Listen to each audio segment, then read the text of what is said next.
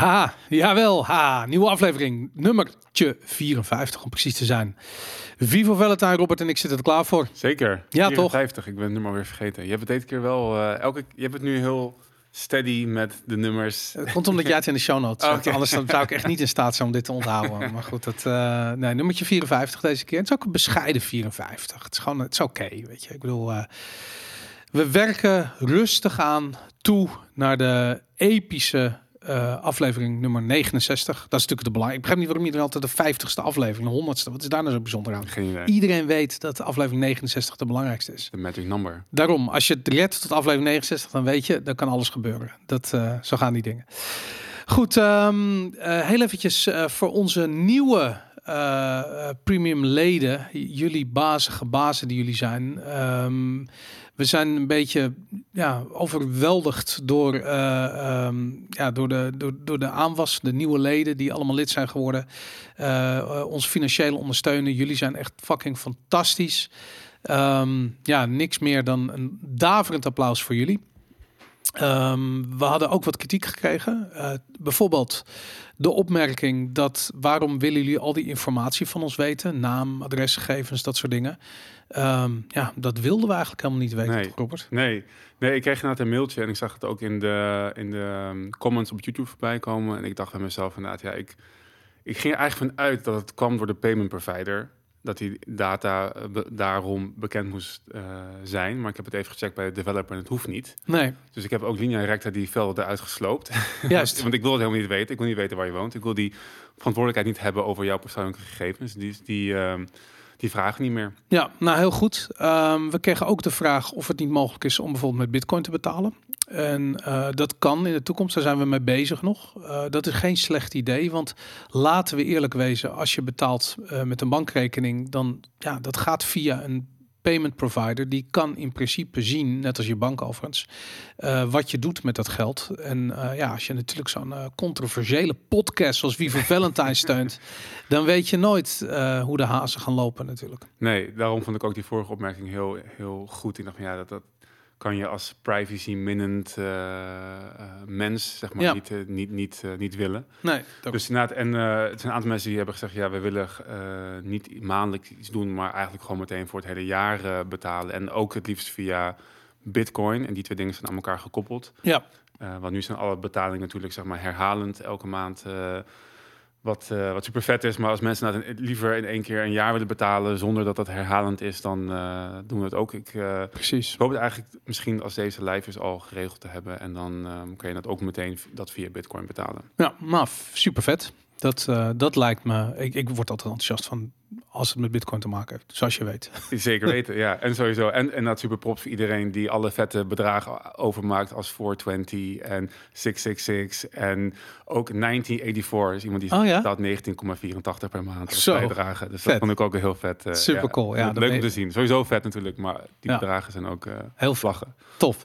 Hey, ehm, vorige week hebben we ook een, eh, een premium aflevering. Voor mensen die nog niet weten, eh, we doen deze aflevering. Wat je nu ziet, dat zul je altijd kunnen luisteren als podcast of kunnen kijken op YouTube.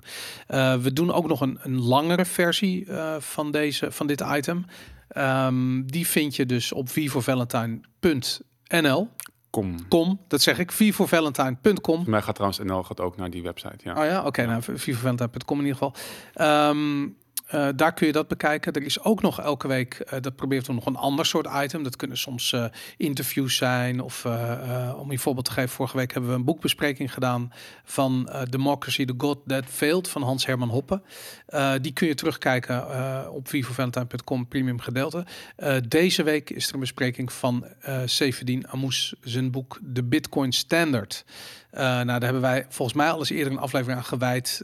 Dus voor luisteraars eh, van, van, van, de, van het begin van Vivo Valentine eh, zal het niet allemaal als een verrassing komen. Maar goed, dit was toch ja, het is een boek wat we allebei gelezen hebben. En wat ik heb dit zo vaak aangeraden aan mensen om, Ja. die, om de Bitcoin Standard te lezen. Dat, Ja, ook aan mij. Daarom, Ja. daarom heb ik hem gelezen. ja, daarom inderdaad. Ja, super vet. Maar we kunnen inderdaad gewoon even de diepte ingaan. Want er zijn een aantal dingen die, die we vaak inderdaad, die we vaak de revue passeren.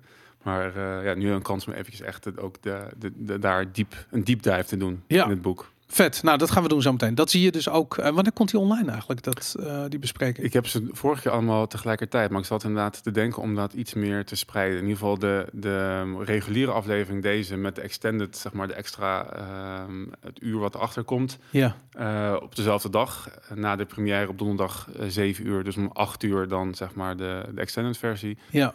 Um, en ik denk dan een dag later Misschien zaterdagochtend. Zaterdagochtend, inderdaad. Ja. Goeie. Doen we zaterdagochtend uh, de... De boekbespreking. Ja. Vet. Nou goed, dan kun je het hele weekend lekker gaan lezen. Als je hem dan uh, gelijk bestelt natuurlijk. Want dat is natuurlijk het idee. Dat we je inspireren om te gaan lezen. Hey, laten we beginnen met uh, de EU. Onze favoriete bureaucratische instelling uh, heeft besloten in aller wijsheid uh, om een strenge aanpak uit te gaan rollen tegen kindermisbruik. Wie wil het niet? Wie wil het niet? We zijn allemaal tegen kindermisbruik. Ja. Heel belangrijk, eventjes ja. benadrukken. wat mij betreft krijgen we publieke castraties voor kindermisbruik. Maar um, los daarvan, wat zijn ze aan het doen? Internetdiensten, en ik lees eventjes voor van de website van de NOS, internetdiensten zoals WhatsApp en Signal worden, als het aan de Europese Commissie ligt, verplicht om online kindermisbruik te monitoren en aan te pakken. Nou, hoe gaan ze dat doen? Ze hebben dus een wetsvoorstel um, gebouwd. Um, en daarin uh, wordt eigenlijk het verplicht gesteld om een bepaald soort um, spyware te installeren op die platform. Dus die platformen worden eigenlijk gedwongen om een soort backdoor in te bouwen, zodat er gemonitord kan worden voor kindermisbruik. Want dat is natuurlijk het hele ding. Um, Zoals je weet wil de EU in zijn totalitaire dwang het liefst zoveel mogelijk grip krijgen op online communicatie. Nou, dat lukt ze heel erg aardig uh, um, met de sleepwet, zoals je uh, hebt kunnen lezen in de media afgelopen week. Um, maar wat nog niet echt lukte, waren die, uh, um, die, die, die, ja, die peer-to-peer encrypted messaging ja. services, zoals Signal, WhatsApp, Telegram is er ook eentje, die veel gebruikt worden. Ja, dat, daar kan de EU niet bij, weet je. Er is geen enkele opsporingsdienst die daar iets kan. Je kunt het opvragen, maar zelfs dan nog um, is het volgens mij zo dat die platformen er zelf niet bij kunnen of zich in ieder geval verschuilen achter het feit dat, ze, dat het peer-to-peer encrypted is. En dat ze geen toegang hebben tot die, tot die data. Nou, ja, ja, volgens mij was het, er zijn een aantal uh, voorbeelden van geweest. En mm. wat, bij WhatsApp is het zo, dat is ook encrypted, maar daar kunnen ze dus blijkbaar wel bij als je cloudopslag hebt en je hebt zeg maar je WhatsApp-gesprek opgeslagen op de cloud. Oké. Dan als er dan als een verzoek van weet ik wat voor dienst komt, dan kan uh, de cloud servers kan zeg maar bij jou. Dus Apple zou bijvoorbeeld in mijn geval bij de WhatsApp-verslagen kunnen die op de cloud zijn opgeslagen. Maar Signal, dat is ook een keer een, een vraag geweest van de FBI aan Signal om gegevens te leveren over een bepaald verdachte. En die zeiden, ja, we, kunnen, we hebben niks meer dan, ja. dan, dan twee hashes, zeg maar, geloof ik, was het wat ze konden leveren. En dat, ja. uh, dus daar is gewoon niks aan te doen. En nu willen ze dus, ze snappen denk ik enigszins dat dat tenminste, dat, dat uh, zou ik verwachten dat, dat de outrage, als ze zeggen van je mag niet meer encrypten, dat dat te groot is. Mm -hmm. dus wat ze nu gedaan hebben is gezegd, ja, we willen dus door middel van artificial intelligence willen we gewoon scannen. Ja. Op, op, op content. Tuurlijk. Op, ja, Tuurlijk. Op content, zeg maar, dus in, in, in, in WhatsApp, in Signal of alle encrypted diensten, maar ook e-mail. Het gaat niet eens om encrypted of niet encrypted. Het gaat om dat alle, alle platformen, alle, alle chats, zeg maar, moet je, moeten gewoon gecontroleerd worden door AI op uh, uh, ja, kinder, kinderporno, zeg maar, of kindermisbruik of grooming. Dat zijn de twee dingen. Dus foto's en video's en tekst- en taalgebruik, wat volgens hen zeg maar in die categorie valt, dat wordt geflagd. Ja. En het wordt dan direct naar de politie gestuurd. Ja. En er is dus een, even zijn naam vergeten, maar er is een um, member of... Jia Johansson. Johansson. Is dat zijn naam? Is dat die, die Pirate Party doet? Oh nee, sorry, dat is de Eurocommissaris voor Binnenlandse Zaken. Nee, er, er is een, uh, dus maar de, de Europese Pirate Party heeft hier een hele, hele exposé over gemaakt, geschreven. Oké. Okay. Uh, en um, er is dus onderzoek gedaan en hij zegt, er is er zijn nog testen gedaan met dit soort AI um, onderzoek, automatische flagging. En je ziet dat in 90% van de gevallen zeg maar, verkeerd geflagd wordt. Ja, natuurlijk. Uiteraard. Ja. Dus, dus ja. er worden uh, gegevens naar de politie gestuurd die helemaal niet relevant zijn voor zaken. Um, ja. Ehm, en vaak weer vakantiefoto's of dingen, weet ik dat soort Ja, dingen. maakt een foto van hoe leuk het is dat eh, haar kleinkind in bad zit. Ja. Weet je, want dat, het is er gelukt om dat kind in bad te doen. Weet je, Ja. wat een hele prestatie is voor oma. Ja. En dan wordt er een foto van gemaakt, trots eh, via WhatsApp of eh, Facebook gestuurd naar de ouders. En dat wordt dan gevlekt als kinderporno. En voor je het weet zit oma levenslang in de Bijlmerbaais. Ja, ja, of in ieder geval, die info ligt bij de, bij de overheid, bij de politie en bij een niet eerder, niet nader genoemde Amerikaanse dienst. Blijkbaar gaat het naar twee Ja. partijen toe. eh. en nou ja, het is, het, is, het is de facto ben je inderdaad van je encryptie af. Ja. je de facto kan je alles gewoon zien en wordt, en kan Ja. alles gelezen door een AI en wordt dat als het verkeerd is eh gevlekt. Dus dat, ja, ik, het is en het is een, het was blijkbaar een tweede deel van een eerdere wet. De, eerste wet is al een keertje, ehm, er is al een soort van wet aangenomen, maar dat was het vrijwillig. Ja. En nu wordt het dus, wordt het, is het idee om dat dus gewoon op te, op te leggen. Ja, nou ja, het, het, kijk, ehm, als je voorbeelden zoekt, want je kunt natuurlijk zeggen, ik, ik had een discussie met iemand die werkt voor de overheid en die zei van, nee, maar het is toch fantastisch dat ze iets doen tegen kinderporno. Ja. En ja, natuurlijk, weet je, ik bedoel, als je kinderporno, dat kunnen ze niet hard genoeg aanpakken.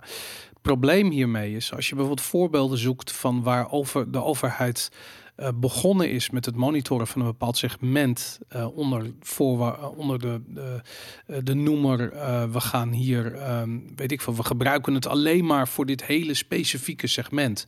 Kijk bijvoorbeeld naar nummerbordregistratie op snelwegen. Dat zou niet gebruikt worden voor het volgen van mensen. Nou, nu. Nu is dat gewoon standaard geworden. Weet je, daar is de eerste hebben ze heel hard geroepen: nee, dat gaan we niet doen. Het is alleen maar snelheidscontrole en weet ik wat. En dan kunnen we kijken of het druk is op de snelweg en whatever.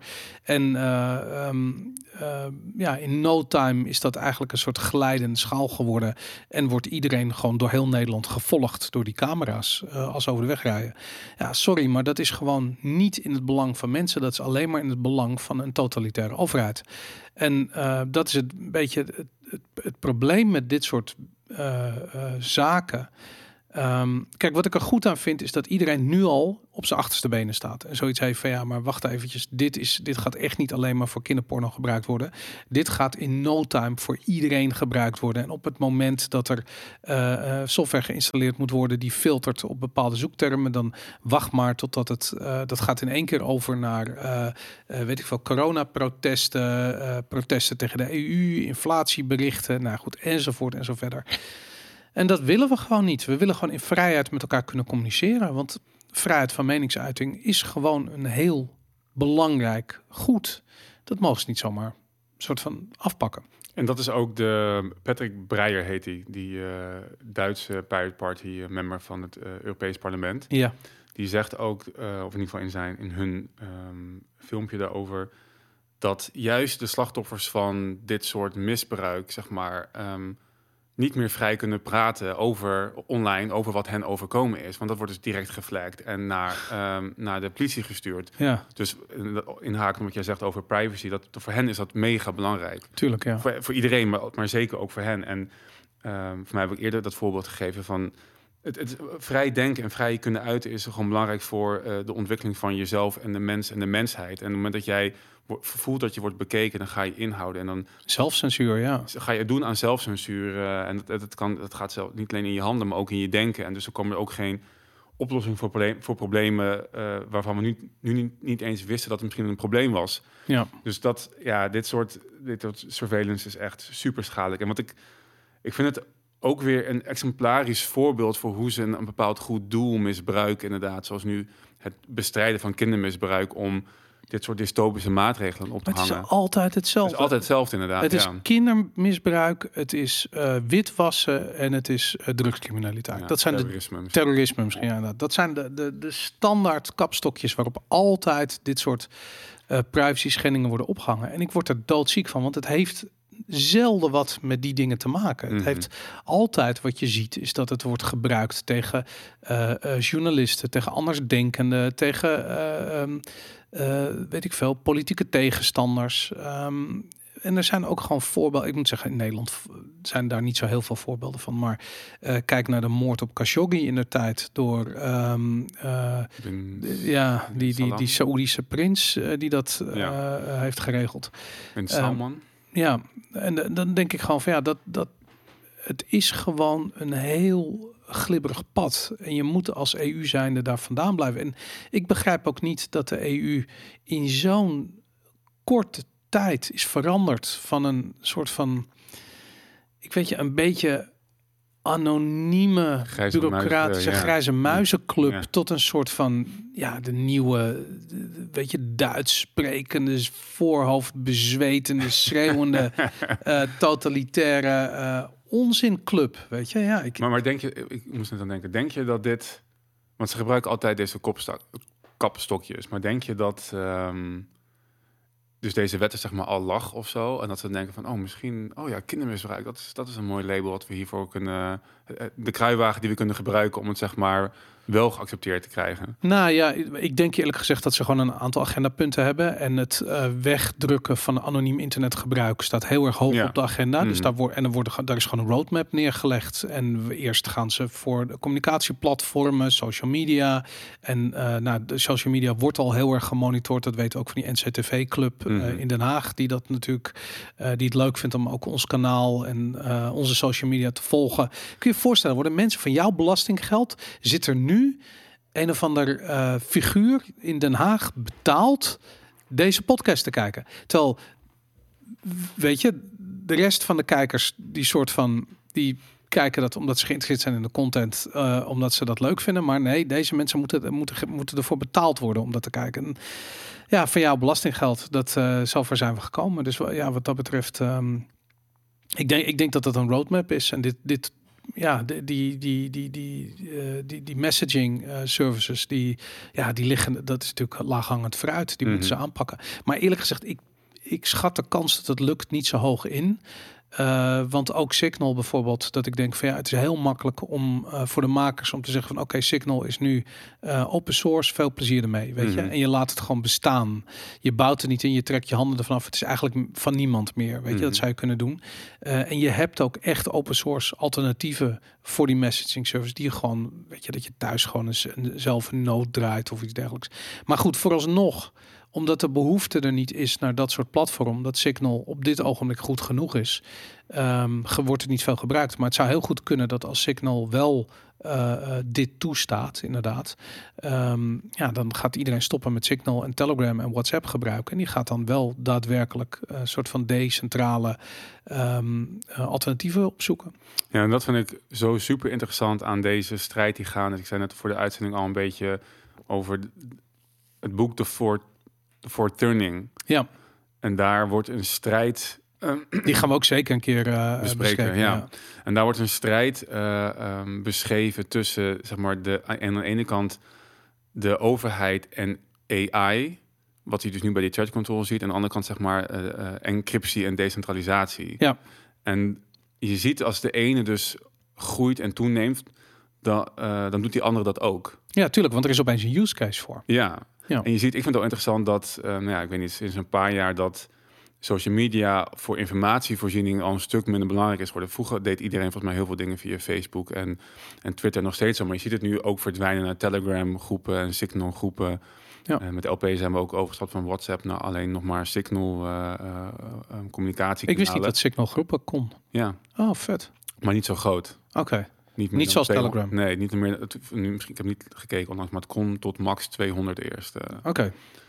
Um, maar dat, dus dat zie je. Je ziet dat inderdaad door die, na het ontstaan van een use case nemen dat soort dingen ook toe. En dat, ja, ik, ik vind dat. Ja, ik word er toch wel vrolijk van eigenlijk dat dat, uh, dat, dat zo gebeurt. En dat iedereen ja. ook op een andere manier informatievoorziening gaat zien. Je ziet het in, nou goed, in de media, inderdaad, fuck NOS, maar we gaan gewoon onze eigen podcast en YouTube-kanalen um, uh, nemen. Substack, wat is ook voor mijn gevoel afgelopen half jaar, jaar in één keer veel groter geworden. Dat bestaat ja. best wel lang al. Ja. En één keer het afgelopen jaar, half jaar zie ik ook mensen die ik zelf al volgde in één keer op Substack gaan. En dan wordt gewoon de e-mail nieuwsbrief wordt weer een ding of zo. Ja, ik vind uh, uh, podcasting 2.0, wat wij nog ja. niet heel erg gebruiken, wat we wel ondersteunen in principe.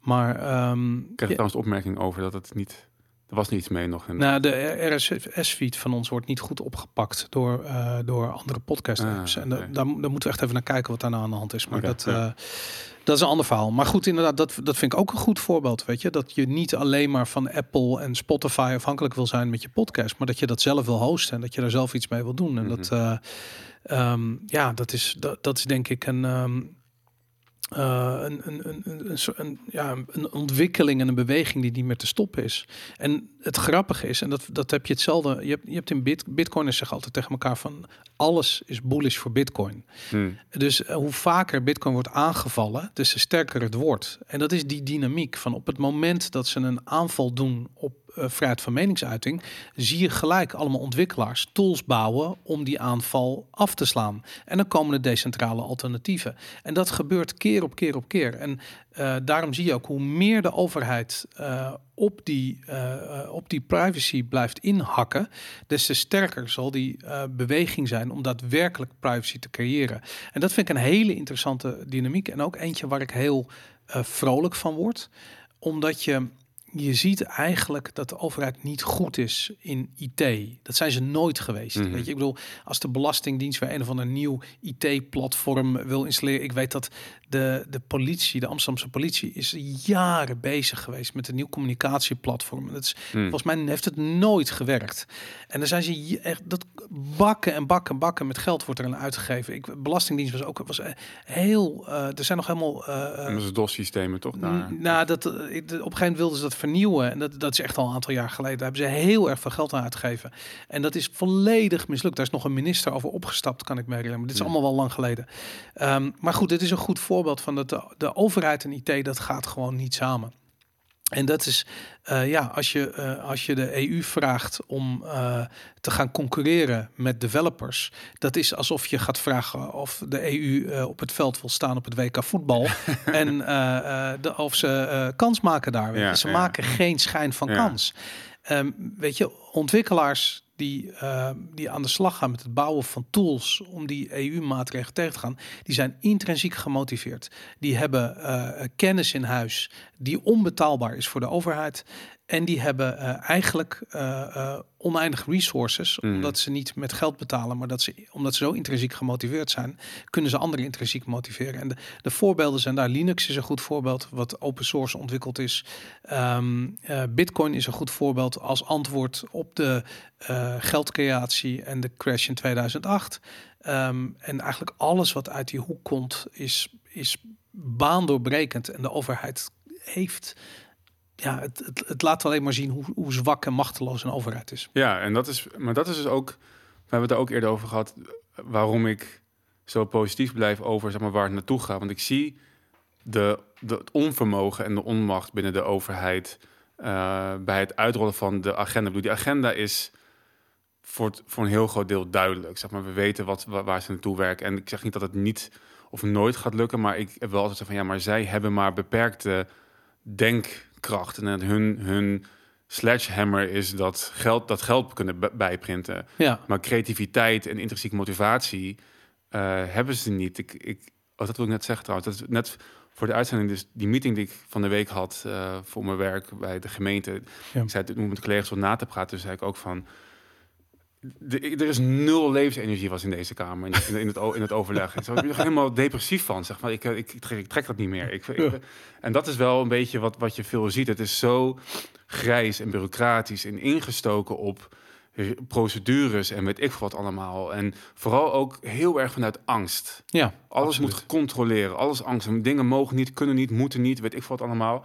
En er is totaal geen levensenergie. En dat, en dat is waarom dat iedereen die zijn die geloof stelt in de overheid en hun oplossingen, die, die, ga, die wordt die verarmt Ja, van binnen. Gewoon, weet je, je wordt Ja. gewoon zielo, zieloos daarvan. En daarom denk ik dat die hele beweging vanuit de overheid, maar ook mensen die zo'n beweging aanhangen, weet je, dat hele wokeism gewoon, het, het, het vreet zichzelf op. Maar het- Ja. niemand daar wil nog baby's maken, want iedereen is...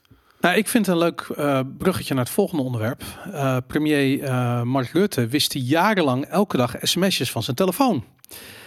Rules voor them, us, Ja, niet voor, them, ja, for voor die, not for me, inderdaad. Ja. Denk je dat Mark Rutte behoefte heeft aan privacy, vraag je dan af. Weet je? Moet er, probeert hij kinderporno hier te, te, te, te, te wissen, nog voordat hij opgepakt wordt? Ik denk het eigenlijk wel. Wat is er aan de hand met, eh, met de telefoon van Mark Rutte? Ja, die, blijkbaar heeft hij een eh, Nokia 3310 Ja.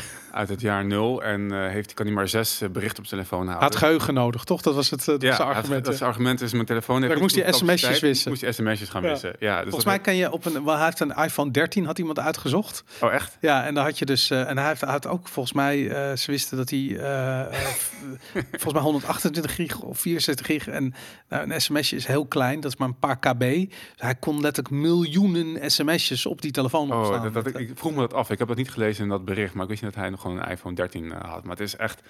Ja, dus hij heeft... eh, hoe noemde hij dat? Actief, hij ging actief archiveren. Ah, Dat was- was geloof ik de, de tekst die hij gebruikte. Omdat hij inderdaad... eh, hij heeft zelf besloten vooraf van... welke berichten zijn relevant voor, ehm, voor, voor eh, de archiefwet. Ja. Moet je als ambtenaar of, eh, of, eh, ja, ambtenaar inderdaad is het dan... moet je dat bewaren, omdat het hoort bij een bepaalde eh, case waar je aan werkt. Ja. Want alle ambtenaren zijn in, in principe wopbaar. ja. Eh, alles wat, alle communicatie. eh, ik heb er zelf dus ook een bericht over gekregen. omdat ik Mhm. bij de gemeente werk. Van ja, je weet, je weet dat als je ook je tele privé-telefoon gebruikt, dat dat wopbaar is als je gesprekken hebt over werk. Dus jij delete ook geen sms'jes en. WhatsAppjes. Ja. en die, maar, maar dus, dus dat heeft Rutte dus ook. Maar die, ehm, ehm, die heeft dus buiten de archiefwet om het eigenlijk moet iemand bepalen of het bij een case hoort of niet. En hij heeft gezegd, nou, dat doe ik van tevoren al zelf even. En dan wist ik gewoon de dingen die, die niet bij horen, die, die wist ik alvast. En de Ja, rest, waarom niet? Weet je, de rest stuur ik door aan, eh, aan het archief, zeg maar. Maar, maar wat ik zo raar vind, ik bedoel, als ze eh, iedereen zo makkelijk kunnen afluisteren. En helemaal sms-verkeer. SMS-verkeer is zo lek als een mandje, weet je. Ik bedoel, ik begrijp niet wie het überhaupt nog gebruikt, maar blijkbaar Mark Rutte. Heel ehm, Amerika volgens mij. Ja, ja is dat... Ja, is dat- allemaal, allemaal familie in Amerika is altijd sms. Oh ja? Ja. Bizar, want ik weet iedereen met een iPhone die gebruikt gewoon iMessage. En nou ja, op een gegeven moment is iedereen naar Oh ja, WhatsApp. tegenwoordig is iMessage inderdaad. Ja, ja, klopt, dus dat, maar goed, anyways, hij heeft dat dus eh, eh, niet bewaard. Ik kan me niet voorstellen dat hij eh, dat er niet ergens een of andere. ehm, ja, om heel eerlijk te zijn, telefoonmaatschappijen zijn gewoon verplicht om dat een aantal jaar op te slaan. Dus hij, het, hij heeft echt geen sms'jes gewist. En als hij sms'jes gewist heeft, dan zijn die gewoon op te vragen Hmm. bij KPN of wie die ook als provider heeft. Hmm. Dus Hmm. eh, dat, dat vind ik heel raar. Dat, eh, Dat wist ik niet. Ik wist niet dat, dat, eh, dat zij dat Dat is die sleep, waren. sleepwet, eh Ah, toestand, ja. sleepnetwet, die ze er doorheen hebben ge- gejast. Ja, dus KPN kan gewoon alle... Al jouw je- telefoonverkeer, al je internetverkeer, alles wordt gewoon een aantal jaar opgeslagen volgens mij. En anders kun je het sowieso opvragen bij... eh, wie, wie, wie deed dat? MI5 en... eh, en Dat de sowieso, ja. NSE, met dat... ehm, Ja, die weten Prism. 100% wat, eh, wat Rutte eh, heeft uitgespookt. Maar goed, dat gaat dan weer nooit eh, in een WOP-verzoek eh, terechtkomen, helaas. Eh, maar goed, laten we eerlijk wezen. Het is gewoon fucking belachelijk. Weet je, het is, eh, aan de ene kant zijn ze bezig om, om de meest dystopische eh, inbreuk op privacy uit te rollen, de ene naar de ander. En vervolgens is Rutte zelf zijn communicatie aan het, aan het deleten. Ehm, het is echt, het is een goed voorbeeld van, van regels voor jou en niet voor mij. En het, ehm, ik begrijp ook niet dat de Kamer dit pikt. Ehm, ik blijf erbij dat ik vind dat onze hele democratie eh, een, een, een super zwakke indruk maakt. Ik vind eh, de, het leeuwendeel van alle eh Kamerleden gewoon inhoudelijk zwak. Echt, echt misschien wel zwakzinnig zelfs. en eh, dat ze niet hier tegen optreden is, eh, ja, is, is, is fucking insane. Nou ja, het is ook... Ik, ik zag een, iemand reageerde daar ook op. eh, Mhm. op, op ons, een van onze afleveringen over... dat de mm, dynamiek van de Kamer... Ja, het niet toestaat ook om echt, zeg maar, verandering teweeg te kunnen brengen. ja, En dat is ook iets waar ik zelf over nadenk. Van ja, als ik er ooit zou moeten zitten, zeg maar, het hele via de voorzitter spreken en bepaalde spreektijd. En, en, en je kan niet gewoon even een goed gesprek hebben met elkaar over jongens, wat zijn we nou aan het doen? Zeg maar, waar ben je nou Ja. mee bezig? En ik denk dat, ja, weet je wat we vorige keer over zeiden, die zo'n ehm anticorruptie eh, eh, van omzicht en dassen, waar ja, ik bedoel, ik sta ook achter eh, de belangenverstrengeling tegengaan in Den Haag. Maar ik denk niet dat zo'n papiertje daarmee bij gaat helpen. Nee, die corruptie zit echt in het DNA van dit kabinet. En, En dat- ja, en in het systeem, zeg maar. Ja. En eh, het systeem werkt gewoon niet. En Nee. daar kan je... ehm, en het zit dan in, in hoe mensen verkozen worden en hun, hun, eh, het feit dat ze, hoe ze worden afgerekend. Want, want vaak stemmen mensen gewoon op partijen. We hebben eerder over gehad, het is ook een heel raar systeem. Weet je, de persoonlijke verantwoordelijkheid van Kamerleden neemt ook al jaren af. Want het, wordt, Ja. het is een beetje van, ja, het is toch maar de partij. Ik stem volgens de partij. Iedereen praat volgens de fractie. Wat is een fractie? Je bent gewoon een mens. Ja, maar en ministers die niet aftreden nadat ze gewoon de meest krankzinnige fouten maken. Ja. Weet je, ik bedoel dat, dat Hugo de Jonge nog steeds in het kabinet zit, of eigenlijk misschien nog wel in een andere rol, maar nog steeds met dezelfde bullshit aankomt. Ja, Iemand van dat niveau die een minister is in Nederland, dat vind ik zo insane. Weet je, en het is ook gewoon van misschien ben ik van een generatie dat ja, politici of je het nou wel of niet met ze eens was, het waren altijd wel een soort van bevlogen en, en charismatische mensen. Mhm. En dan moet je nou eens kijken, man. Wat een zwakte, weet je. Van die Kaag, Rutte, de jongen. ik bedoel, kijk die mensen nou, man. Je weet gewoon... Ik bedoel, als je met die drie mensen aan tafel zit... zit een biertje te drinken... dan heb je gewoon een hele saaie kutavond. Ja. Het zijn, ik bedoel, echt serieus. Dat is, daar wil je nog geen, geen vijf minuten mee praten. Ik begrijp gewoon niet wat... eh, eh, eh, ja, dat die mensen zo hardnekkig blijven zitten. Ik vind Ja, het echt raar. ja, omdat er gewoon, het is gewoon armoede. Er is ook niks, weinig beters. eh, Nou ja, ik, ik, op zich, weet je, als je kijkt naar, naar, naar de forum mensen, maar ook Wiebren van Haga, weet je, ook wel Pieter Omtzigt vind ik ook wel een charismatisch figuur, weet je. En bij de SP zitten er een paar waarvan ik denk van ja, weet je, die hebben echt wel uitstraling. Dat zijn toffe mensen. Ik wil even los van hun, eh, van hun ideeën, weet je. Maar als je kijkt naar, naar al die regeringspartijen, daar is het echt kommer en kwel gewoon. Het, is echt, het lijkt wel als ik en ik kan me ook voorstellen als je gewoon een beetje eh, inhoud hebt, dan hou je het niet vol bij dat soort organisaties. Nee, en, ja. Ja, ja, ik weet het niet. Ik, ik vind... ehm, ik vind charisma ver te zoeken in de Kamer. Ik denk dat veel mensen... Ik bedoel, inhoudelijk ben ik... noem je een aantal partijen waar ik het gewoon mee eens ben. Maar ook daar denk ik van ja... Ook daar mis ik gewoon levensenergie. Weet je, het is ook Ja. het, is ook het, het politiek partijtje spelen. Wat ik ook bij de LP trouwens heel erg sterk zie bij bepaalde mensen. Van, Mhm. weet je, we moeten een politieke partij zijn. Dus dan gedraag je op deze manier. Wat ik ook Ja. tegen jou heb gezegd van... Misschien in de podcast ook van door acht jaar bij een politieke partij te zitten en ge- geprobeerd te hebben in de Kamer te komen en te kijken hoe anderen het doen. En wat, wie zijn succesvol? Hoe Ja. doen zij dat? En dat ga je dan modelleren. Ja, Dat ga je dan nadoen. En dan vervolgens merk ik dat ik steeds verder van mezelf verwijderd raak, eh, raak en steeds moeilijker eh, ga bewegen en doen. En ja, het, is- het Ja. is het niet. En ik zie, ik zie hen dat ook doen. Ik zie bij Forum en bij, bij BVNL zie ik mensen ook zich politiek gaan gedragen. En dat is dat systeem dat dwingt dat bijna. ja. En ik, ja, ik, ik, ik denk, je raakt verwijderd van jezelf en van je menselijkheid. En dan ben je gewoon niet charismatisch. Ja. Dan ga je misschien ben je inhoudelijk heel sterk en goed. ja. Maar ik denk dan nooit dat ik denk. We hebben allebei op Marijnissen gestemd, volgens mij, zei toch? Marijn, ik heb in ieder Heel, heel, lang geleden. Ja, ik ook. Ja. Omdat hij volgens mij nog. Ik keek gewoon puur naar hoe hij als mens was. En hij was zo ehm, vurig overtuigd van wat hij zei. filosoof. Gewoon, Ja. echt gewoon een, en een goede onderbouwde filosoof ook. Ja, en hetzelfde had ik bij Pim Fortuyn, waardoor ik dus eigenlijk voor mij, het was twee weken geleden, vorige week achterkwam van, oh, hij, hij, is, hij is helemaal niet waar ik in geloof. Hij is gewoon Keynesiaan en hij, hij is meer van overheidsingrijpen dan, eh, dan ik dat ben. Maar dat kwam niet echt over, omdat ik gewoon, ja, hij was gewoon mega gepassioneerd. En dat, Ja. dat zie ik, dat zie, zie jij dat nog? Echt, Nee, nee? Nou ja, ik zie het wel bij de oppositiepartijen. En, en ehm, ja, ik weet niet, daar, daar, daar, daar zie ik dat wel. Ik vind, wat ik al zei, ik vind het bij, eh, weet je, er zijn een aantal mensen bij Forum die dat allemaal hebben. Daar, daar, vind, ik, daar vind ik het het meest voorkomen. Ja. Maar ik vind op een bepaalde manier, en het is helemaal niet iemand eh, waar ik fan van ben of waar ik op zou stemmen of zo, maar ik vind dat Wilders het ook wel heeft. Die is ook gepassioneerd over zijn, eh, ja, over zijn shit. Het is altijd hetzelfde standpunt, maar hij kan, ik vind hem in de debatten goed. Eh, ik vind hem veel charisma hebben en ik vind hem vaak ook op persoonlijkheid of op karakter wint hij zijn debatten. Mhm. Weet je, ook wel, zijn argumenten zijn ook wel goed, maar hij praat niet, eh, hij probeert niet zo ongrijpbaar te zijn in die debatten. Wat, wat Rutte heeft, weet je, die ontwijkt non-stop allerlei shit. Dat doen die D66'ers allemaal, Ja. weet je. Die, Mhm. die gaan nooit ergens op in. Die ontwijken alleen maar. Ja, dat is waar. En, en, ja. en Wilders die gaat gewoon head-on de confrontatie aan. En dat vind ik heel tof. Dat kan ik waarderen. En daar krijg je echte debatten van. Maar ja, weet je, de, dat heb ik met Kaag ook, man. Ik heb dat mensen nog nooit iets zinnigs zien zeggen. Die, dit enige waar, waar ik, als ik haar zie, dan zie ik er op de bakfiets de kinderen eh, naar school brengen. Eh, weet je, dat is het enige wat ik bij me voor te zien bij me.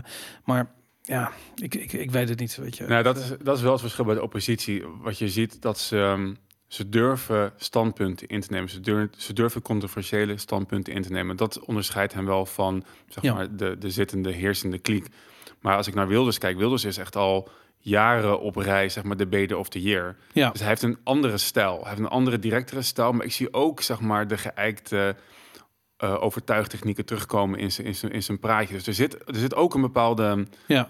Ge, ge, gepolijstheid overheen. En waardoor Ik vind het jammer dat hij zo'n één-issue partij heeft. Ik vind Ja. het jammer dat dat ook zo groot is. Omdat ik zoiets heb van de probleem. Weet je, als je, als je nou echt gepassioneerd bent over de problemen van immigratie, dan kan je best wel uitzoomen en verder kijken. En kijken van waarom willen mensen naar Europa? Weet Mhm. je, waarom is dat? En wat voor soort, hoe komt dat? Weet je, en we hebben het hier volgens mij wel eens eerder gehad over eh, ehm, de Afrikaanse frank. En hoe die nog altijd door Mm. eh, Parijs eh, bestierd wordt. Waardoor heel veel landen in West-Afrika eigenlijk gewoon nog onder het juk van de, van de Franse centrale bank moeten opereren. Ze moeten wat 25% van hun balans moeten ze aanhouden bij de centrale bank in Parijs. Mhm. Waarom zou je dat doen als je Afrikaan? Dan heb je een achterstand die bijna niet te overbruggen is. Je wordt gedwongen om bij het IMF aan te kloppen voor financiering als je gewoon niet bij je geld kan. Nou, dat soort, da- dat soort eh, eh, dynamieken, denk ik van ja, als ik Wilders was, zou ik proberen om uit te zoomen en, en de onderwerpen wat diverser te maken door dat te bespreken. Weet je, net als dat die vluchtelingencrisis op een gegeven moment toen dat op zijn hoogtepunt was met die bootjes die allemaal zonken en al die mensen Mhm. die dood waren op zee. Ik denk dat is vreselijk, maar, maar ga de dynamieken van die ehm, eh, van wat daar gebeurt, ga dat uitzoeken en ga dat gooi dat in de kamer voor de voeten van de D66 die zeggen van ja de grenzen moeten open. Whatever, maar eh, ik heb dat wel bijvoorbeeld gezien. Eh, op een gegeven moment was er een documentaire en de, die, eh, die, die bracht een aantal zaken aan het licht over die NGO's die bezig waren met eh, vluchtelingen naar Europa te halen. Waarbij je dus zag dat heel veel van die, eh, van die stromen op gang werden gebracht door, eh, door NGO's, door goede doelenorganisaties. Mhm. En dat je kunt afvragen, wat voor belang hebben die mensen erbij? En die werden gewoon betaald vanuit Brussel om dat te doen, weet je. En hoe werkt dat en waarom gebeurt dat? Nou, dat vind ik gewoon, dan denk ik van ja, ik, dat zijn allemaal eh, zaken die Wilders laat liggen. Dat vind Mhm. ik echt jammer. En dat zie ik wel bijvoorbeeld weer wat meer terug bij de partijen die wat meer naar de libertarische kant hangen. Mhm. Ehm, maar goed, dat zijn er niet zo heel veel. Maar, maar goed. Nee, inderdaad. En dat, daar hebben veel mensen, eh, ehm, eh, zeg maar bekende proponenten ook binnen de, de libertarische beweging, zoals een Ron Paul, die zei ja, ehm, maar dat ging meer in zijn ogen over terrorisme en de oorsprong daarvan. En, Ja. Wat dus ook dus heel controversieel is in Amerika, van ja, maar hij, hij ziet gewoon dat de jarenlange oorlogsvoering in dat soort landen ervoor zorgt dat je dus inderdaad een bepaald sentiment tegen jezelf creëert. Lijkt me niet heel erg onlogisch. Ja, Hetzelfde heb je naar de vluchtelingen. Waar oorlog is, komen gewoon vluchtelingen vandaan. Eh, economische armoede vaak ook gewoon gecreëerd. Want dat is inderdaad, wat, als je kijkt naar immigratie... ehm, en bijvoorbeeld vanuit in ieder geval het Afrikaanse continent... daar heb je twee dingen die ervoor zorgen dat men zeg maar niet voor zichzelf kan zorgen. Dus één is de, de, de ontwikkelingshulp vanuit ons die kant op. ja, Waardoor je vaak eh, opkomende agrarische eh, samenleving gewoon eh, op zeep helpt. Omdat je dus allemaal voedselhulp die kant op stuurt. Mhm. Dus ze kunnen nooit vanuit hun boerenbestaan iets opbouwen en zo verder ontwikkelen zoals we eigenlijk in het Westen wel overal gedaan hebben. Ja. En aan de andere kant ehm, hebben we hele rare handelsregels met die landen opgesteld. Want je ziet dat ehm, veel Afrikaanse landen mogen wel grondstoffen exporteren naar Europa of andere westerse landen, maar geen ehm, zeg maar, eh, andere vervaardigde producten. Dus zeg maar verwerkte grondstoffen, cacao tot chocola. Cacao kan je gratis zonder import zeg maar, richting Europa sturen. Maak je de chocola Ja. van, dan moet je een kwart importheffing gaan betalen. Nou, en sterker nog, als ze het doen, moeten het tegen bepaalde van tevoren vastgestelde tarieven gebeuren. En dat is waar die Franse centrale bank een rol in speelt. Hmm. Dus dat betekent dat een Frans bedrijf die grondstoffen in eh, Afrika uit de grond haalt, eh, die, die eh, heeft een veel betere concurrentiepositie dan een Afrikaans bedrijf wat Afrikaanse grondstoffen uit de grond haalt. En dat soort shit, eh, eh, ik weet niet, maar dat, je hoort het hier niet, je leest het hier niet. Ehm, ik volg Alex Gladstein, hij is de voorzitter van de Human Rights Watch, volgens mij. Of is het Human Rights Foundation? Een van de twee. Hu- Human Rights Foundation, volgens mij.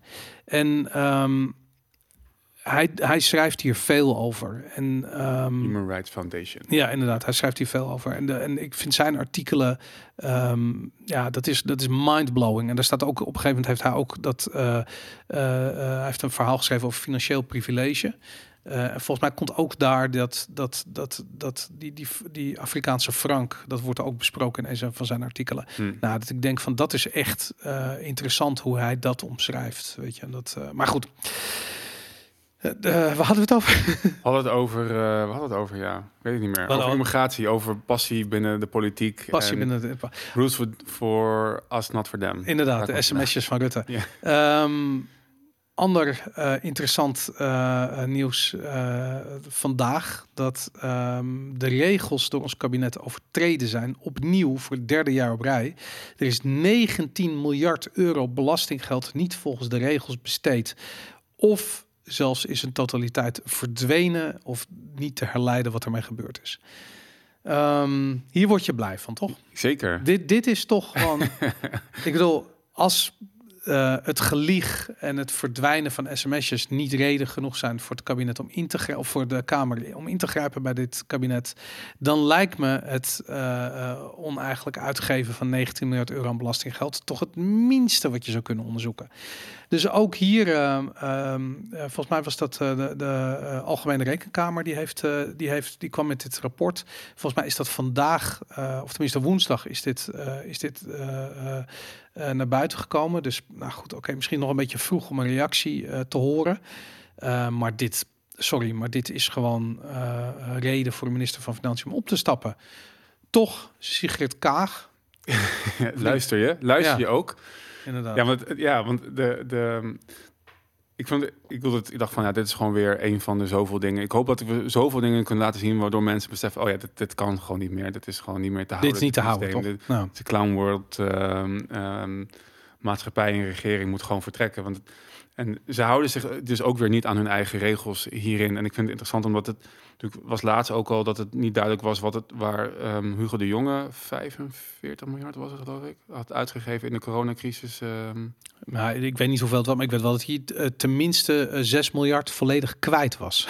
Ja, en het, Dat, het, is, hoe- het gaat om 6 miljard. Het is, dat is ook, het is dus ook het ding als je binnen de overheid werkt. Cijfers worden op een gegeven moment gewoon cijfers. ja, maar het is toch ook, ik bedoel, eh, eh, eh, vroeger waren het miljoenen, toen werden het honderden miljoenen, nu Ja. zijn het miljarden, straks zijn het honderden miljarden die kwijt zijn. Ik bedoel, ja, inflatie, het maakt geen donder uit ook, weet je, heb ik het idee voor hun. Want was ook, die- wat was die uitspraak ook weer van one death is a tragedy en Ja, een vast. mil- a million is a statistic. Ja, de Stalin zei dat inderdaad. Stalin, was het Stalin? Oh, Ja, ja.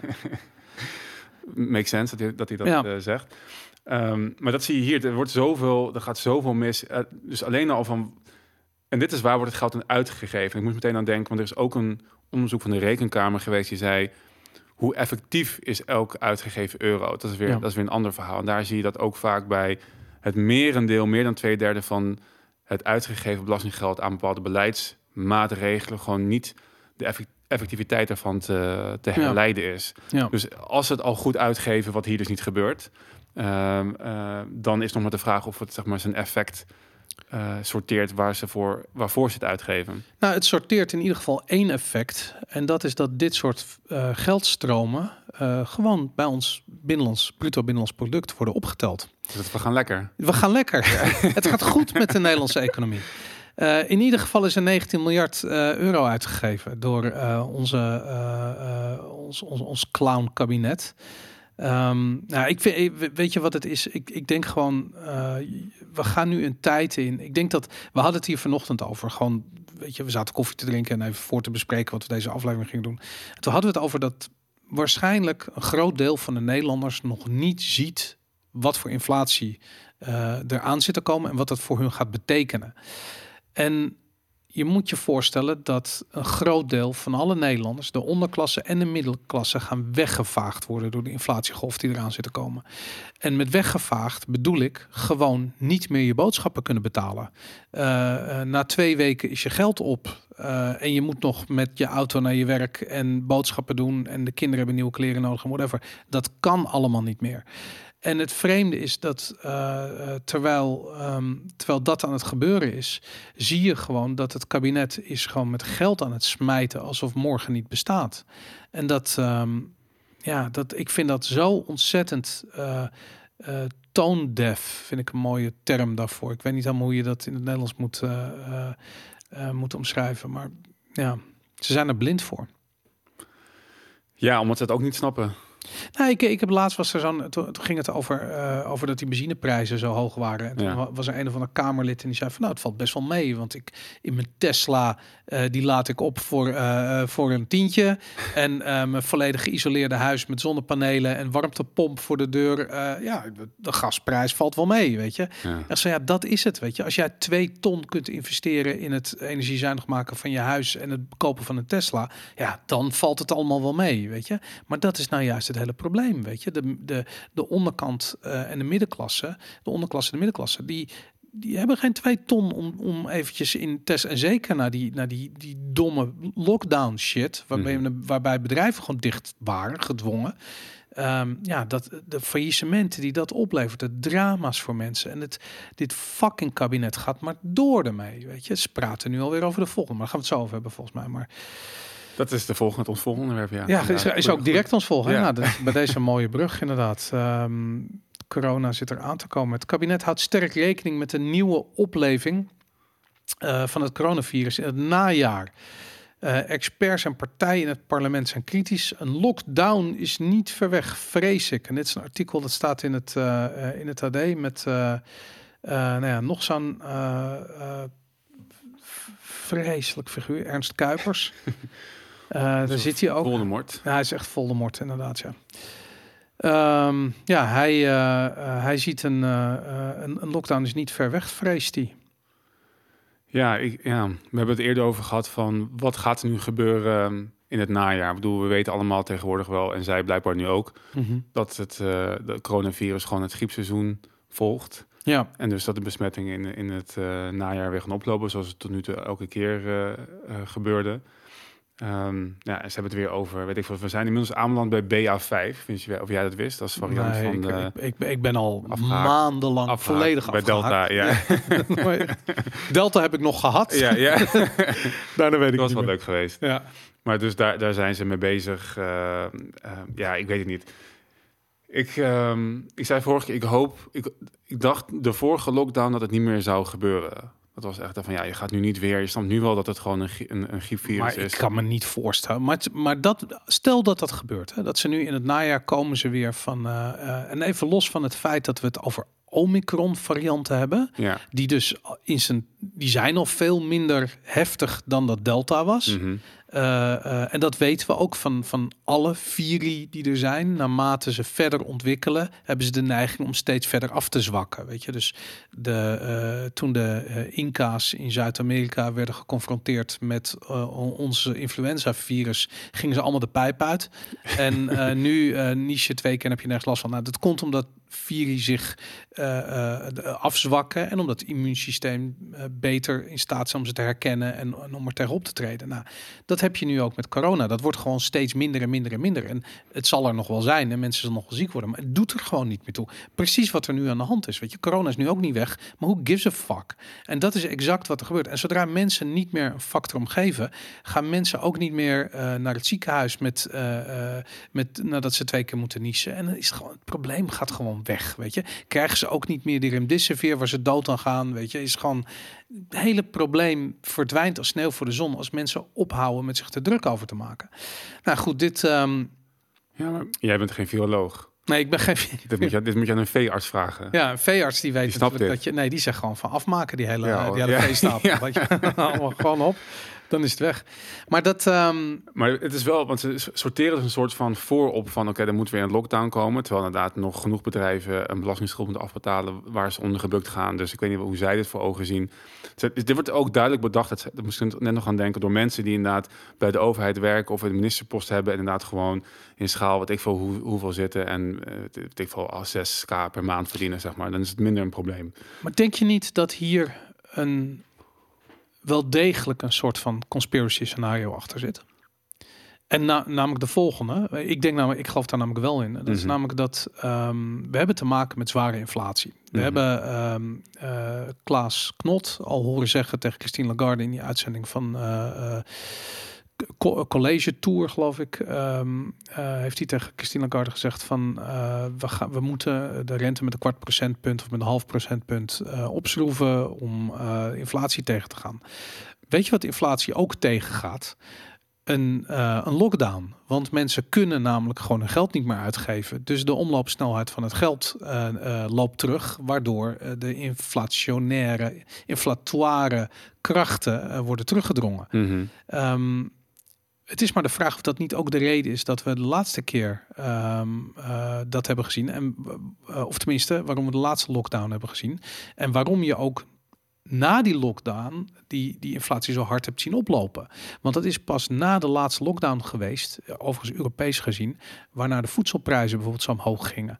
Weet je, en oh ja, het was allemaal Poetin, maar we zagen ook eh, de, de, de, de, de benzineprijzen oplopen. Omdat de vraag naar brandstof veel hoger is op het moment dat er weer vraag is naar goederen en producten. Want dat moet allemaal weer verspreid Ik worden. zeggen, en we gewoon leven inderdaad. De Daarom, auto- mensen gaan weer leven, ja. Dus dat ehm, eh, het zou heel goed kunnen zijn dat het gewoon gebruikt wordt als een tool om ja, eigenlijk een soort van kunstmatige recessie te creëren, waardoor we gewoon met deflatie te maken te- eh, krijgen en waardoor politiek gezien eh Sigrid Kaag gewoon een beetje de snor kan drukken. Ja, ik blijf dat. ik weet niet wat het is. Ik weet niet of, of daar een. Ik heb weerzin tegen dat soort eh, diepgravende, zeg maar, achterliggende complotten. En ik weet niet, dat, daarmee zeg ik niet dat het niet waar is. Ik bemerk gewoon even mijn eigen interne eh, aversie op. Ja, Ehm, ik denk dat ook ja, de vraag me altijd af van vanaf welke hoek. En ik acht gewoon het kabinet en de mensen hier in Nederland gewoon eigenlijk bijna te dom om hierover na te denken. ja, En dan denk ik van ja, dat zou kunnen, maar het, het zou kunnen, maar je, je kan ook gewoon een internationale cultuur creëren via eh, het, ja, weet ik veel, het ECB, IMF, Wereldbank, eh, weet ik veel wat een supranationale organisaties je allemaal hebt, waarbij onze politici volgens mij zowel maandelijks ergens eh, aanschuiven. ja. Ehm, en, het, zou kunnen, het, het zou kunnen dat zij dat bedenken. het zou kunnen dat, dat ze gezegd is van... joh, die inflatie is zo hard, we moeten nu echt op de rem gaan trappen... anders vergaat de wereld, dus je moet dit gaan doen.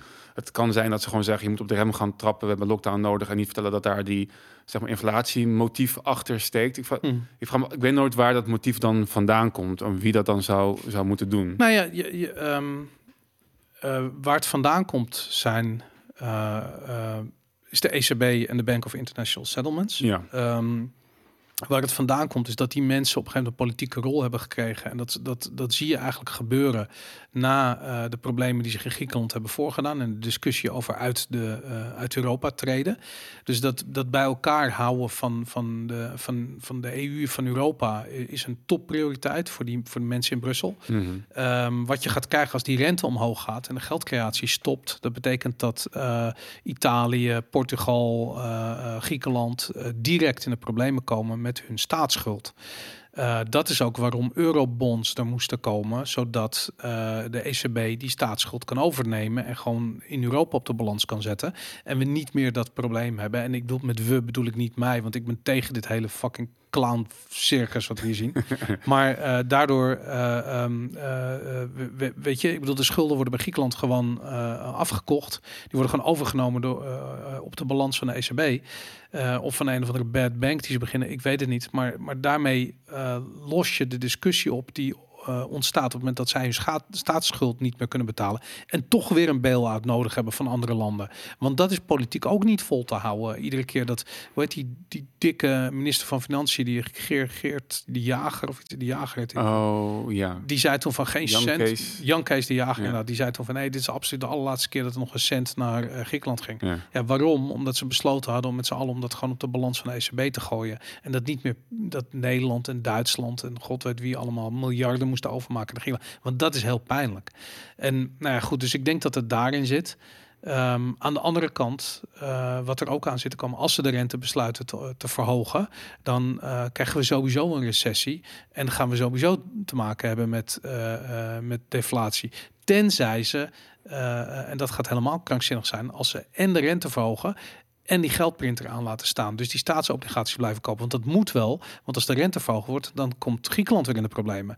Dus ze gaan de geldprinter aanhouden. Ehm, eh, om Griekenland en, en Italië en Spanje en Portugal en weet ik veel wie allemaal eh, eh, hun staatsschuld over te nemen, dat op de balans van de ECB te zetten. Dat is geldcreatie.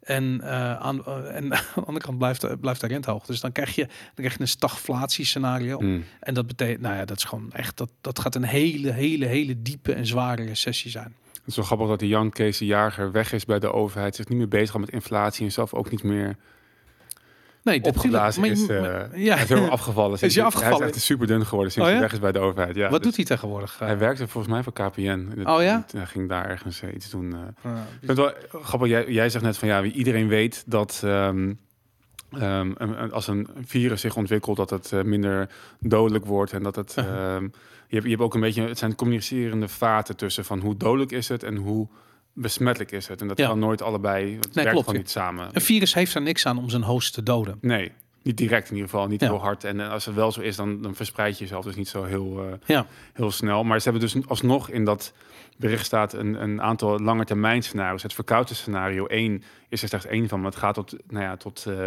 tot vier. Met een worst case scenario met een eh, zeer hoge ziekte en sterfte. Oh, ja, tuurlijk. Een nieuwe, door een nieuwe en ernstige variant. eh, nou goed, dus ze zijn nog steeds met die, die verschillende agenda's Ja. bezig. Waarbij volgens mij alleen één nog maar. eh, En dat laatste scenario is door Marion Koopmans hoogpersoonlijk zelf uh, Die is eigenlijk nu druk, druk aan twitteren weer inderdaad. eh. Ja, nee, die, die, maar die wil die lockdown, want die heeft dat bedrijfje wat PCR-tests verkoopt. Dus die vindt het heel belangrijk dat mensen weer massaal gaan testen voor een QR-code. Ik vraag me af hoe ze het ook gaan, gaan, gaan uitrollen. Want dat andere bericht wat ik erbij had gezet, het ging over de coronaspoedwet. Volgens mij de vijfde verlenging die dus niet door de Eerste Kamer gegaan is. ja, Dus er is geen wettelijke basis meer voor alle coronamaatregelen. Terwijl die verlenging die is al, zeg maar, die is al ingegaan. ja, Ehm, en nu wil Ernst Kuipers geloof ik ook teruggrijpen op de noodverordeningen die al niet in orde waren, waardoor die coronawet er moest komen. wow. Dus juridisch gezien is er geen basis meer om de, om de maatregelen, zeg maar, ja. te handhaven als er weer zo'n nieuw scenario komt. Maar eh, ik heb begrepen dat er liggen twee alternatieven op tafel. Aan de ene kant willen ze een de, eh, tijdelijke spoedwet, die nu dus afgeschoten is, eh, permanent maken of onderdeel maken van een permanente wet. Mhm. Zodat ze eigenlijk ten alle tijden, dat er niet iedere keer weer gestemd hoeft te worden over een tijdelijke spoedwet, maar dat het gewoon eigenlijk Waarschijnlijk de wet publieke gezondheid aanpassen dan. ja, zoiets. Nou ja, i- als, het, eh, als de Tweede Kamer daarmee akkoord gaat, dat echt serieus onvergeeflijk. Echt onvergeeflijk. Ehm, en een ander scenario waar we nu veel over horen, is dat eh, de Wereldgezondheidsorganisatie graag verantwoordelijk wil zijn voor de uitrol van eh, de pandemie-aanpak. En eh, ehm, ja, nationale overheden zo gek wil krijgen dat ze een soort van decreet ondertekenen dat ze eigenlijk de Wereldgezondheidsorganisatie wettelijk verantwoordelijk maken voor de uitrol van eh, dit soort dystopische eh, maatregelen. Wat fucking krankzinnig is, want de Wereldgezondheidsorganisatie, daarin zitten partijen als Bill en Melinda Gates Ja. Foundation, die gewoon eigenlijk een extensie zijn van de farmaceutische industrie. Dus dat betekent dat we de farmaceutische industrie wettelijk verantwoordelijk maken voor de uitrol van een, van van een pandemieaanpak, die waarschijnlijk producten van die farmaceutische industrie behelzen. Nou ja, Weet je, dat is net zo het, hetzelfde als dat je zegt dat je, weet ik veel, Unilever eh, eh, wettelijk eh, verantwoordelijk maakt voor, eh, eh, voor, voor, voor, voor, voor het voedsel wat we eh, verplicht moeten eten of iets dergelijks. Weet je, ik bedoel, het, het is echt insane gewoon. Het is zo fucking insane. Ja, ik zit even te zoeken, want volgens mij was er dus ook weet niet of het Pfizer was, maar er was ook echt een daadwerkelijk een, een, een farmaceut Die in de wereld die de, een van de tapvanders van de, van de WHO eh Oh, ik was. dacht dat het via de wereld... eh, of dat via Bill en Melinda Gates was. was het, of misschien was het die Gavi Alli- Alliance. Ja, dat kan. Ja, dat is de Vaccine Alliance. Ja, ja die, die is een van de top, ehm, top voluntary contributors. Germany, Japan, United States of America. Dat had Trump, die was, had het gestopt. Maar volgens mij zijn ze inderdaad weer terug nu. Ja. Korea, Europese Unie, Australië, het COVID-19 Solidarity Fund. Grappig, ik ben heel benieuwd wie daarachter zit. En dan die Gavi Alliance, United Nations en Bill en Melinda Gates Foundation inderdaad. Ja, dat is fucking insane. Ehm, Follow the money. Ja, inderdaad. Ik, maar ook weer zoiets, man. Jezus, ze gaan dit gewoon, ehm, ze gaan dit gewoon doen, weet je. Ze gaan dit gewoon. eh, ja, het, het is heel erg dat er niet, ehm, dat er niet eh, eh, in de Tweede Kamer harder opgetreden wordt tegen deze eh, openlijke vorm van corruptie. En dat, ehm, weet je, dat Pieter Omzicht, wat hij doet, is natuurlijk allemaal fantastisch. Maar dit, ja, dit moet je echt bij de wortels eh, aangrijpen. En die, die, die kabinetspartijen die daar nu zitten, eh, die moeten weg. En die ministers moeten voor corruptie ehm, aangeklaagd worden. Allemaal. Ik denk dat we politieke partijen moeten verbieden. Dat, dat sowieso. Alleen nog maar losse mensen. Ja. maar ja, goed. precies. Ah, Oké. ehm, waar is we gebleven? Vier op de tien Nederlanders vinden dat mensen met een ongezonde levensstijl Oh ja. meer moeten betalen voor een zorgverzekering. Eh, ook vindt 64% dat de huisarts hun patiënten op een ongezonde leven moet aanspreken. Ehm, even een andere vraag. Hoeveel procent van de Nederlanders eh, denk je dat een ongezonde levensstijl aanhangt? Ehm, de helft, denk ik. Ja? Ja. Misschien meer. 75%. Tering. Ja. Sorry, ik bedoel heel veel. Dat is echt heel veel. 75% van de Nederlanders eh, heeft een ongezonde levensstijl. Ehm, als je het ze vraagt, dan, dan is het maar 20%. Weet je, dus mensen denken altijd dat ze gezonder zijn dan ze zijn, maar of ze weten niet dat plantaardige oliën slecht voor je zijn, of koolhydraten niet goed voor je zijn, of suiker heel slecht voor je is. Dat weten ze niet. Sommigen die hebben nog wel door dat als ze roken, dat dat in principe in ieder geval statistisch gezien betekent dat hun leven wordt verkort. Uh, maar als je het hebt over voeding, dan uh, pff, een leeuwendeel haakt af. Mhm. Die, die we, we- heeft daar niks mee. En dat, daar, daarbij heb ik zoiets van, daar gaat het een beetje mank.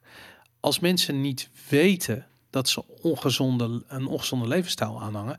Bijvoorbeeld doordat eh, een niet nader te noemen directeur van Unilever zegt dat een Magnum ijsje in elk gezond dieet past.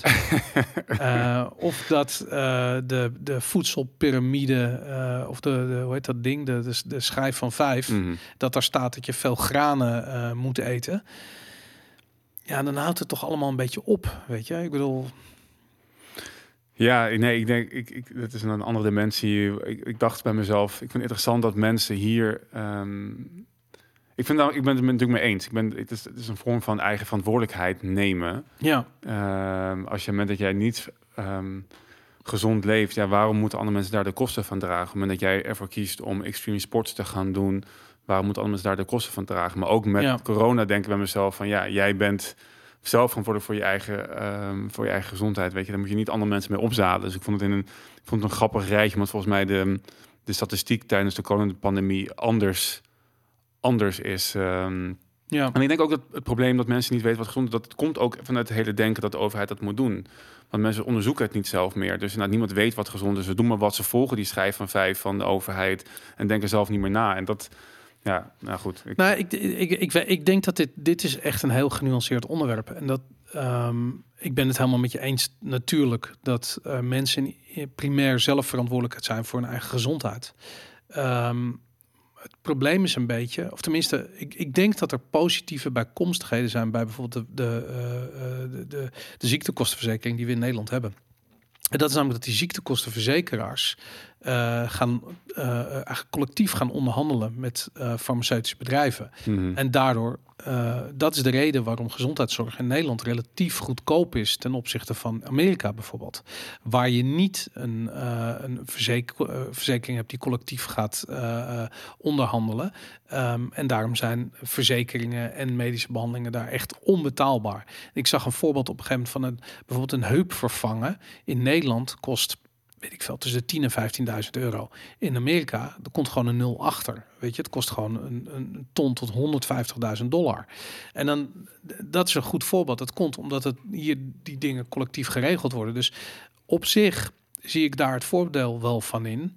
Ehm, omdat het nou eenmaal geen vrije markt is. Weet je, die hele medische toestand is gewoon geen vrije markt.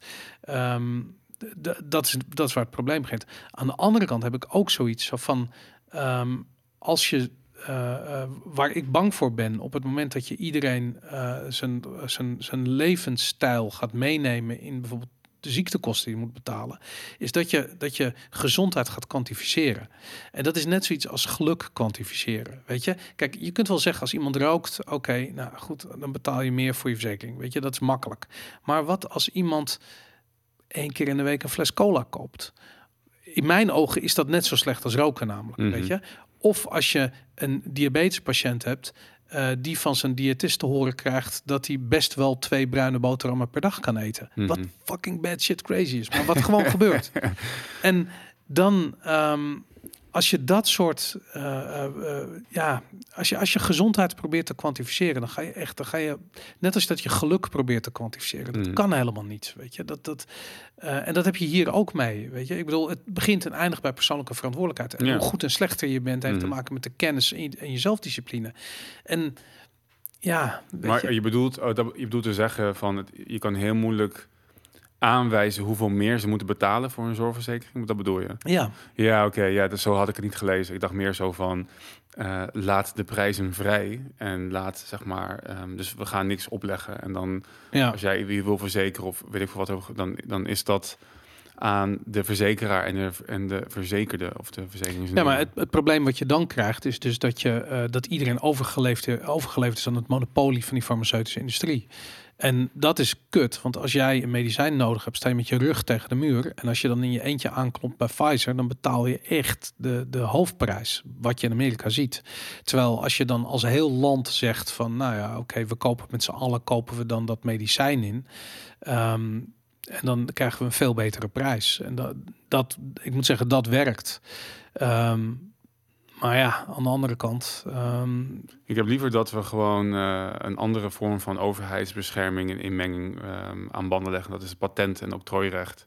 Ja. Dat is ook de reden dat uh, farmaceuten zoveel geld verdienen. Het is een van de meest winstgevende industrieën met de hoogste winstmarges ehm, die, er, die, er, die er is. En als jij ervoor zorgt dat medicijnen niet of amper, in ieder geval of beperkt een patent hebben, ja, dan worden medicijnen ook eh, een stuk goedkoper. Dat was, zag je ook volgens mij. Ja, maar zij zeggen dan van ja, we moeten ze door zulke, eh, de, eh, weet ik veel, we moeten uitgebreid testen en we moeten zoveel miljarden uitgeven aan het testen en onderzoeken van die medicijnen. Wat we bij het COVID-vaccin Ik hebben gezien, zeggen, hoe ja. kut dat in nou, werkelijkheid is. Ja, het, Ja. Werkt, het werkt niet. Dus- Nee, daarom. Dus dat, ja. ja, het is, ik, ik vind het lastig. Ik, ik moet je wel zeggen, kijk, los van geld, de prijs die je betaalt voor een ongezonde levensstijl is hoog. Mhm. Ehm, als je mensen met chronische ziektes ziet struggelen met die ziektes, dan weet je gewoon van ja, dat is een hoge prijs die mensen betalen. Dus even los van het geld, denk ik dat mensen sowieso een hoge prijs betalen voor, het- voor ziek zijn. Ehm, weet je, en waarom stoppen bij ongezonde leefstijl? Waarom niet ook bijvoorbeeld kijken naar psychische gezondheid? Want ook dat heeft een grote eh, invloed op je lichamelijke gezondheid, bijvoorbeeld. Dat is wat Bessa van der Kolk zei. Ja, als we over gehad. Ja, als we de, de ehm, trauma's die we hebben opgelopen in onze jeugd eh, en de consequenties ervan zo serieus zouden nemen als zeg maar een fysieke aandoening, dan stonden alle kranten er vol van. Want Ja. het meeste geld gaat gewoon uit naar Ja. mensen die daaraan lijden. Ja. ja. nou, precies dat. Maar eens, maar dat was, dat was ook, dit was een soort van eh, ehm, ehm, ja, hoe zeg je dat, hedge richting de discussie over persoonlijke verantwoordelijkheid. En dat, en dat, zie je op, elk gebied. En ik denk dat dat, ik, was, ik ben het er mee eens. En ik vind het opzienbarend dat best wel veel mensen in Nederland er blijkbaar ook mee eens zijn. Want je pleit hier gewoon voor persoonlijke verantwoordelijkheid. Jij bent verantwoordelijk voor je gezondheid. En dus ook voor de kosten die daar mee gemoeid zijn als je niet gezond leeft. En dat is niet alleen met je gezondheid, ge- met je lichamelijke gezondheid, maar ook je geestelijke gezondheid en ja, alle dingen in het leven. Dus ik hoop dat die 64% van de mensen dat ook gaat beseffen, dat het veel verder gaat dan alleen maar de zorgverzekering. Ja, nou ja, inderdaad. Dat, eh, de, het is wel interessant, want het is een heel belangrijk libertarisch discussiepunt natuurlijk. Ja. En eh, ja, het, het, het bizarre is dat eh, die farmaceutische industrie is zo door en door en door eh, kapot. Eh, doordat er geen vrije marktwerking is, Ehm, ja, is er geen eh, prijsontdekking. Overigens is dat er wel voor medicijnen waarop de patenten zijn verlopen. En die heb je wel. En dan zie je dan ook dat de medicijn heel goedkoop wordt. Mhm. Net als dat je ziet waarom ivermectine en dat soort eh, dingen natuurlijk zwaar eh, de kop in werden gedrukt. En nog steeds tot op de dag van vandaag. Omdat er gewoon geen geld aan te verdienen is. Mhm. Het, is het, is gewoon super goedkoop. En dat... ja, dat is heel kwalijk inderdaad. Dus ik denk van ja, we zijn ver verwijderd van eh, eh, vrije markt en ehm, in de medische industrie. Goed, ehm, even kijken. Het laatste onderwerp in deze, eh, in deze Vivo Valentine is vanaf 2026 wordt het verplicht om bij de vervanging van een cv-ketel een hybride warmtepomp eh, ehm, eh, of iets dergelijks te installeren. Ja, dit kan alleen maar uit de koker van eh, Hugo komen. Dit. Ja, Hugo de Jong is verantwoordelijk voor dit ministerie. Ja. Die hebben dit bedacht. Eh, verplicht, er wordt weer iets onredelijks eh, verplicht. Dan is Hugo aan zet inderdaad. heb jij wel eens een warmtepomp, heb je dat wel eens gehoord? Wel eens gehoord hoeveel herrie zo'n ding maakt? Ehm, ik denk maar één keertje maar, maar niet heel bewust, ja. Oké. Het is namelijk, het is zo erg dat eh, als jij een warmtepomp wil hebben, dan wordt dat doorgaans eh, zo ver mogelijk bij je vandaan in de tuin ergens ingegraven. Ja. En dan is het te harde. Mhm, Zoveel herrie maakt dat ding. mhm. Dus even los van iedereen die in een grote stad op een, eh, in een appartement woont. Die mensen komen niet in aanmerking voor een warmtepomp.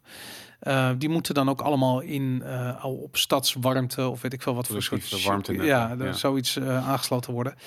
Ehm, daarnaast kost een warmtepomp 7000 euro, even los van de installatiekosten. En dat is heel belangrijk, een warmtepomp levert niet zoveel warmte op. Dus je moet je hele huis extreem goed isoleren. Anders merk je niets van de warmte die de warmtepomp Mm. opleidt. Met andere woorden, het is gewoon ijskoud in je huis. Mm. Dus een warmtepomp werkt veel minder dan een cv. Ehm, Dus- en ik, ik, ik wil niet heel veel zeggen, maar als ik naar de warmteservice ga en ik koop een cv-ketel voor, weet ik veel, 600 euro, dat is ongeveer wat een ketel kost, en ik neem hem mee naar huis en ik installeer hem, dan wie gaat er, wie de fuck gaat erachter komen dat ik mijn cv-ketel heb vervangen? Ja, dan wordt de vraag of die dingen nog verkocht mogen worden. Ik zie meteen beelden vormen van, eh van is dat China, waarbij je als je bepaalde gereedschappen wil kopen, moet je echt je idee laten zien en je achterlaten en zo. Een hamer en dat soort shit en zo. Ja, Een hamer? ja, het, ja, het, is echt, het gaat heel ver. Nou, dus dat, dat na Chinees voorbeeld, eh, je kan zometeen gewoon geen cv-ketten meer kopen. Jezus Christus. Maar ik was, al, ik was er al op tegen voordat ik überhaupt dit efficiëntieverhaal zeg maar eh, kende. Ik dacht van rot op, het, het is mijn huis, gaat je niks aan. eh, Ja, natuurlijk. En, en dan blijkt, zoals heel veel maatregelen, dat het ook nog een, voor geen ene meter eh, werkt en eh tering voor herrie maakt. Ja. Ja, nee, het werkt. Het werkt. Ik bedoel, ik, ik ben niet tegen een warmtepomp, weet je. Maar iedereen moet voor zichzelf bepalen of dat een goede oplossing is. En als jij, weet ik veel, stel je voor dat jij een nieuw huis hebt gekocht. En je hebt, eh, weet ik veel, 2000 vierkante meter grond waar het huis op staat. Of je hebt een nieuw huis gebouwd op 2000 vierkante. Tuurlijk doe je een warmtepomp. Je hebt het helemaal geïsoleerd, weet je, whatever. Dat is een goed idee. Moet je vooral doen. Mhm. Zonnepanelen op het dak, eh, ja, topper. Maar ja, als je dat niet hebt, of je woont in een oud huis, of weet ik veel wat. Ja, weet je, dan, eh, dan, dan, dan, ja, dan ga je echt niet dat doen, weet je. Maar dan moet ik je ook zeggen, gas is duur aan het worden. Ehm, gas is wel de op één na schoonste vorm van, eh, van energie. Dus ik heb, ik heb dan wel zoiets van ja, gas is helemaal niet zo slecht. Dus die, die demonisering die er plaatsvindt uh, over gas is Mhm. heel raar. Mhm. En dit, volgens mij is het gewoon politiek. Het heeft alleen te maken met de Russisch gas. weet Mhm. je? Dus zet dan, als dat het probleem is, zet dan in Groningen die gaskraan weer open. Weet je, dan hebben we toch geen, dan hebben we toch eerlijk Nederlands gas of zo. Weet je, ik bedoel, dan, dan, dan hoeven ze dit, hoeft Hugo niet zo moeilijk te doen. Maar ehm, Nee, en volgens mij, ja, volgens mij gaat die hetze al langer terug dan ook Oekraïne. Dat gas inderdaad. eh, op een gegeven moment, was het al voor Oekraïne dat je dat bepaalde energiemaatschappijen niet meer mochten eh, adverteren met inderdaad schoon, schoon eh, natuurlijk gas, geloof ik. ja, ja, ja. Dat, was, dat is al als, best wel lang gaande. Ja, je moet het is eens zijn. biomassa en dat is wat je moet, eh, wat je moet doen. Ja, nou, dat is echt, eh, dat, dat is echt insane. Ja, goed, eh, de overheid ehm, gaat nu, eh, ja, misschien eh, kan Hugo hoogstpersoonlijk bij mij een warmtepomp komen installeren, Ja, weet je. Gezellig. Ik verwacht niet minder. Als ze willen dat ik een warmtepomp eh, neem, dan wil ik dat, dat, dat Hugo zelf komt met Kaag. Of nee, hoe heet die D66-jongen die, eh, die bezig is met milieu? Paternotte. Paternotte. Nou, ik wil gewoon dat, dat, dat, dat, dat hij en Hugo de Jonge, die komen gewoon met, met hun klusbus, komen ze bij me voorrijden en dan gaan ze die warmtepomp ingraven. Ehm, ja, nee, dat kan ik dan, eh, alleen dan doe ik het, denk ik.